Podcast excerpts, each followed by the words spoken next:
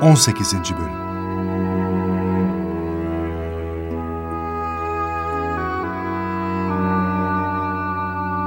Endülüs'te Emir Muhammed dönemi de acısıyla, tatlısıyla, iyisiyle, kötüsüyle sona erer. Dünya da fanidir, hükümdarlar da. Muhammed'den sonra kısa bir dönem munzir hükümdar olur.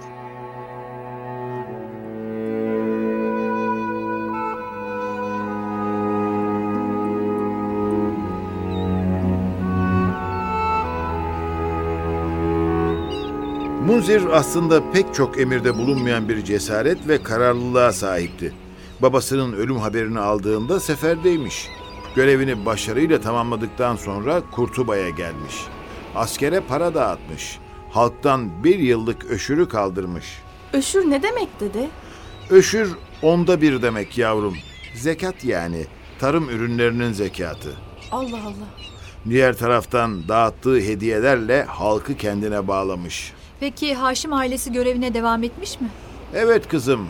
Bir ara aralara açılmış olmasına rağmen Munzir, Haşim'i yine de başvezir yapmış. Fakat bazı nifakçılar kısa zamanda Haşim'i gözden düşürmeyi başarmışlar. Haşim hapse de atılmış. Sebep?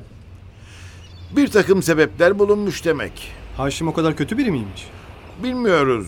Yalnız tarihçiler herhangi bir ihaneti kaydetmemişler. Devlet hayatında son derece etkili olan, en üst makamlara yükselmiş biri bir anda kendini hapiste bulabiliyor. Bu da çok ilginç değil mi? Çok ilginç elbette.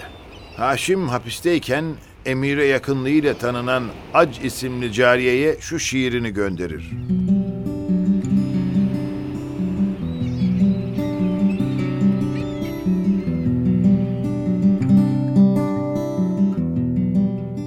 Zindancı ve sağlam demir kapı seni ziyaret etmeme mani oluyor. Bil ki asıl bu asrın şüphesine şaşmak gerek. Güçlü olduğum zaman hiçbir can yakmadım. Şimdi ise hep kaçtığım şey benim başıma geldi. Çok kişi bana ne duruyorsun kaçsana diyor. Onlara gülüp geçiyorum. Bana göre kaçmak bayağılıktır. Benim şerefim daha önemli ve kıymetlidir.'' Başıma gelenler Allah'ın hükmüdür. Ki razıyım o yüce hükme. Kimse kaçamaz onun hükmünden. Şimdi benim başıma gelenlere sevinenler, yarın benimle aynı kaderi paylaşacaklar.''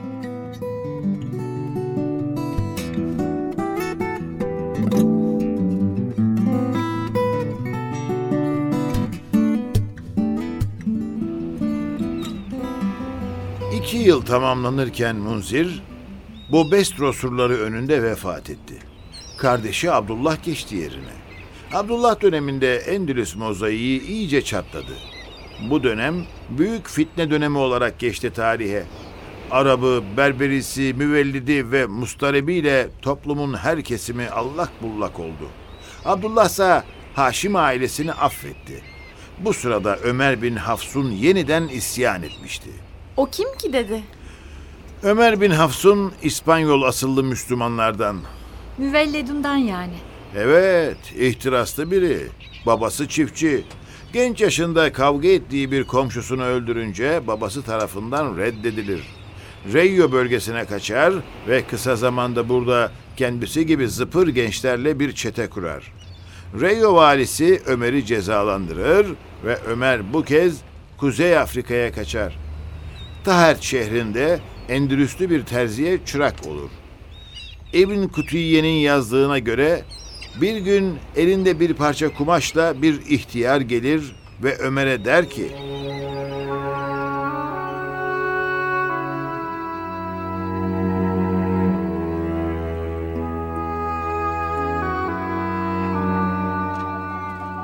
Bırak iğneyle kuyu kazmayı. Sen var ya sen, memleketine dönerek Umme'ye oğullarının iktidarını yıkacak ve büyük bir saltanat elde edeceksin. Kim? Ben mi? Evet, elbette sen. Sende bu kabiliyeti görüyorum. Peki nasıl olacak bu? Hiç korkma, kendine güven. Buralarda oyalanma. Endülüs'e dön. Tamam da nasıl olacak bu? Endülüs'e dön ve gör. Bobestro Dağı'nı bilir misin? Evet bilirim. Git amcanı bul. O sana yardım edecek. Peki ya babam ne olacak? Babanı boş ver.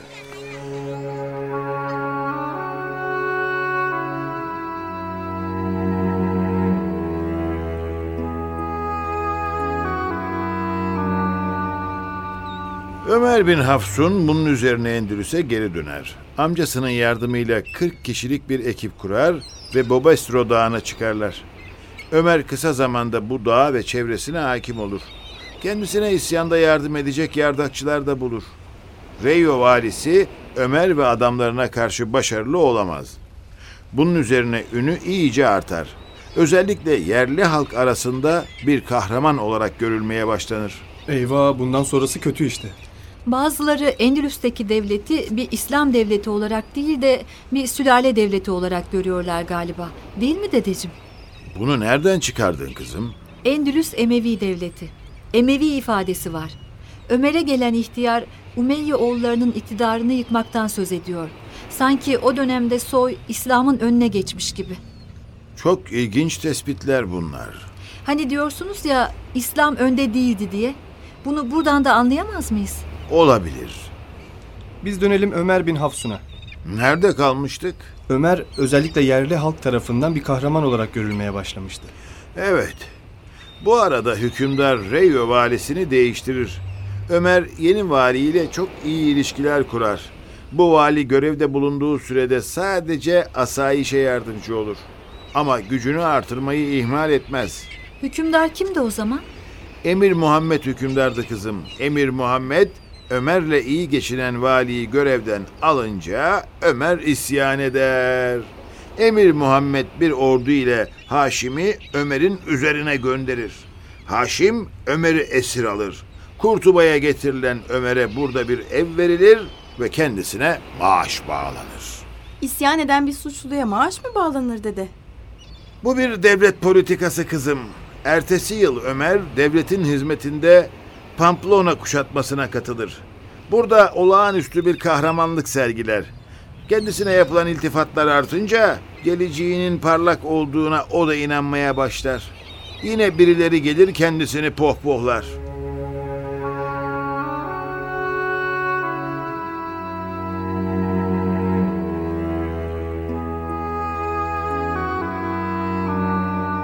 Sen ayrıldığın yuvana geri dön. Seni oradan ancak ölüm indirebilir. Sen Endülüs'ün büyük bir kısmına sahip olacaksın. Bu vatan senin. Sen buralısın. Kurtuba da senin olmalı. Buraya sonradan gelenler geldikleri yere dönmeli.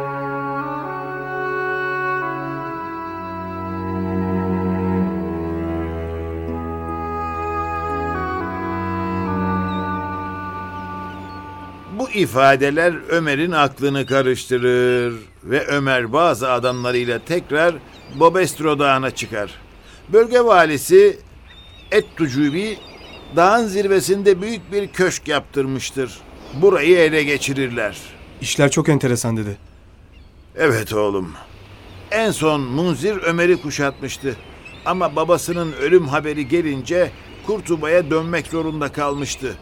Ömer bin Hafsun derhal harekete geçerek bulunduğu bölgeyle sahil arasındaki kalelere elçiler gönderdi. Onları kendisine katılmaya davet etti. Daveti olumlu karşılanınca halktan yardım toplamaya başladı. Halka şöyle diyor.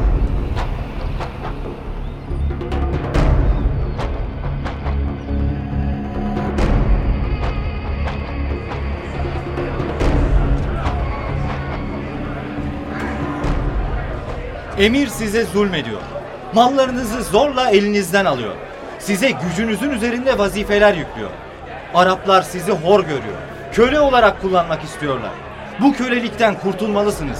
Bana yardım edin, sizi kurtarayım. Aferin Ömer. İşte bu.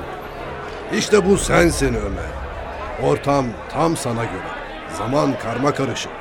Kalpler katı ve bozuk. Fitne, sinsi her yerde kol geziyor.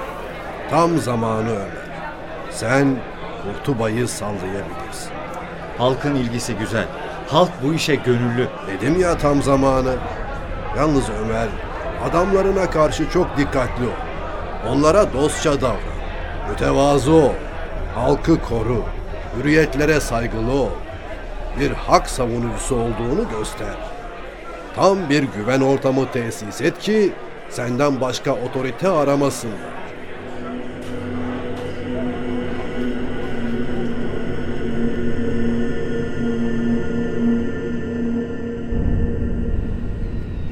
Bazı rivayetlere göre bu Ömer'in hakim olduğu bölgede bir kadın mal ve eşyasıyla bir şehirden ötekine güven içinde gidebilirmiş. Kimse kendisini rahatsız edemezmiş. Ömer haksız olan kendi çocukları bile olsa adaleti yerine getirmekten asla çekinmezmiş. Bu da halkın hoşuna gider tabii. Biraz da Hazreti Ömer'i kendine örnek almış gibi. Kısa zamanda Endülüs'ün büyük kısmına hakim olur Ömer bin Hafsun. Munzir hükümdar olunca yine isyan eder ve Munzir Bobestro'da onu kuşatır. Çok uyanıktır. Nasıl uyanık yani? Kuşatma halkı perişan etmiştir. Halkın zora düşmesi Ömer'in işini zorlaştırır. Bir çare bulması gerekir ve hükümdara haber göndererek teslim olacağını bildirir. Munzir buna inanır ve sevinir. İzzet ikram içinde karargahına yanına alır Ömer'i. Kuşatma kaldırılır. Halk rahatlar. Ordu dönüş hazırlıklarına başlar ve yola çıkarken Ömer yapacağını yapar. Ne yapar yani? Munzir'in karargahından kaçar. Bu tereddüt Bobestro kuşatmasının gücünü kırmıştır. Emir Munzir kuşatmanın bu bölümünde vefat eder. Nasıl öldüğü ihtilaflıdır. Bazı tarihçiler kardeşi Abdullah'ın bu işi planladığını ve Munzir'in bir suikaste kurban gittiğini iddia ediyorlar. Gelir gelmez Munzir'e ters icraatlar yaptığına göre biraz hakikat payı olamaz mı dedi. Ne gibi kızım? Mesela Munzir'in cezalandırdığı Haşim ailesini hemen affediyor ve izzet ikrama boğuyor. Bir de şuna bakalım. Munzir'in ölümü en çok Ömer bin Hafsun'un işine yaramıştır herhalde. Değil mi dedi? Doğru. Bak ben bunu düşünmemiştim. Evet. Munzir ölünce kuşatma halindeki ordu birer ikişer dağılmaya başlar. Abdullah Munzir'in yerine geçer ama orduyu toparlayamaz.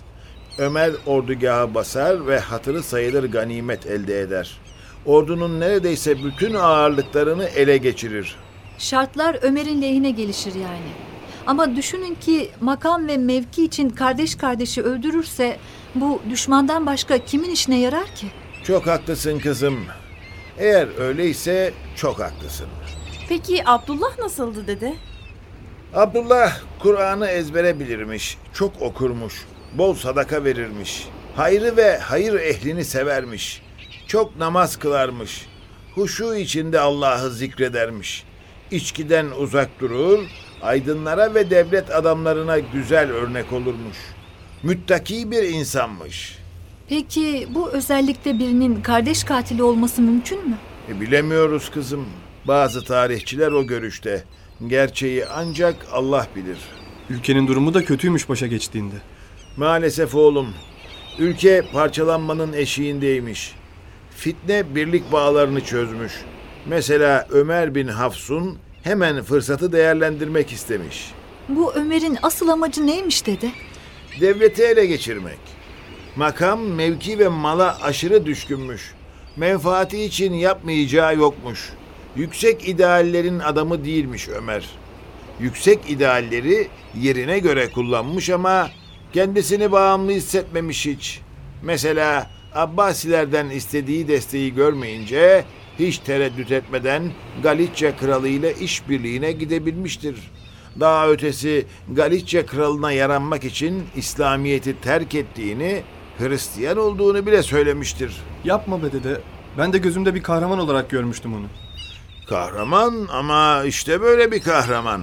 Kahramanlığı da politikaymış oğlum. İstikrarsız, fırsatçı ve menfaatçi biriymiş bu Ömer. Emir Abdullah'a da çok hırpalamış. Abdullah'ın dönemi de kara bir dönem olmuş Endülüs için.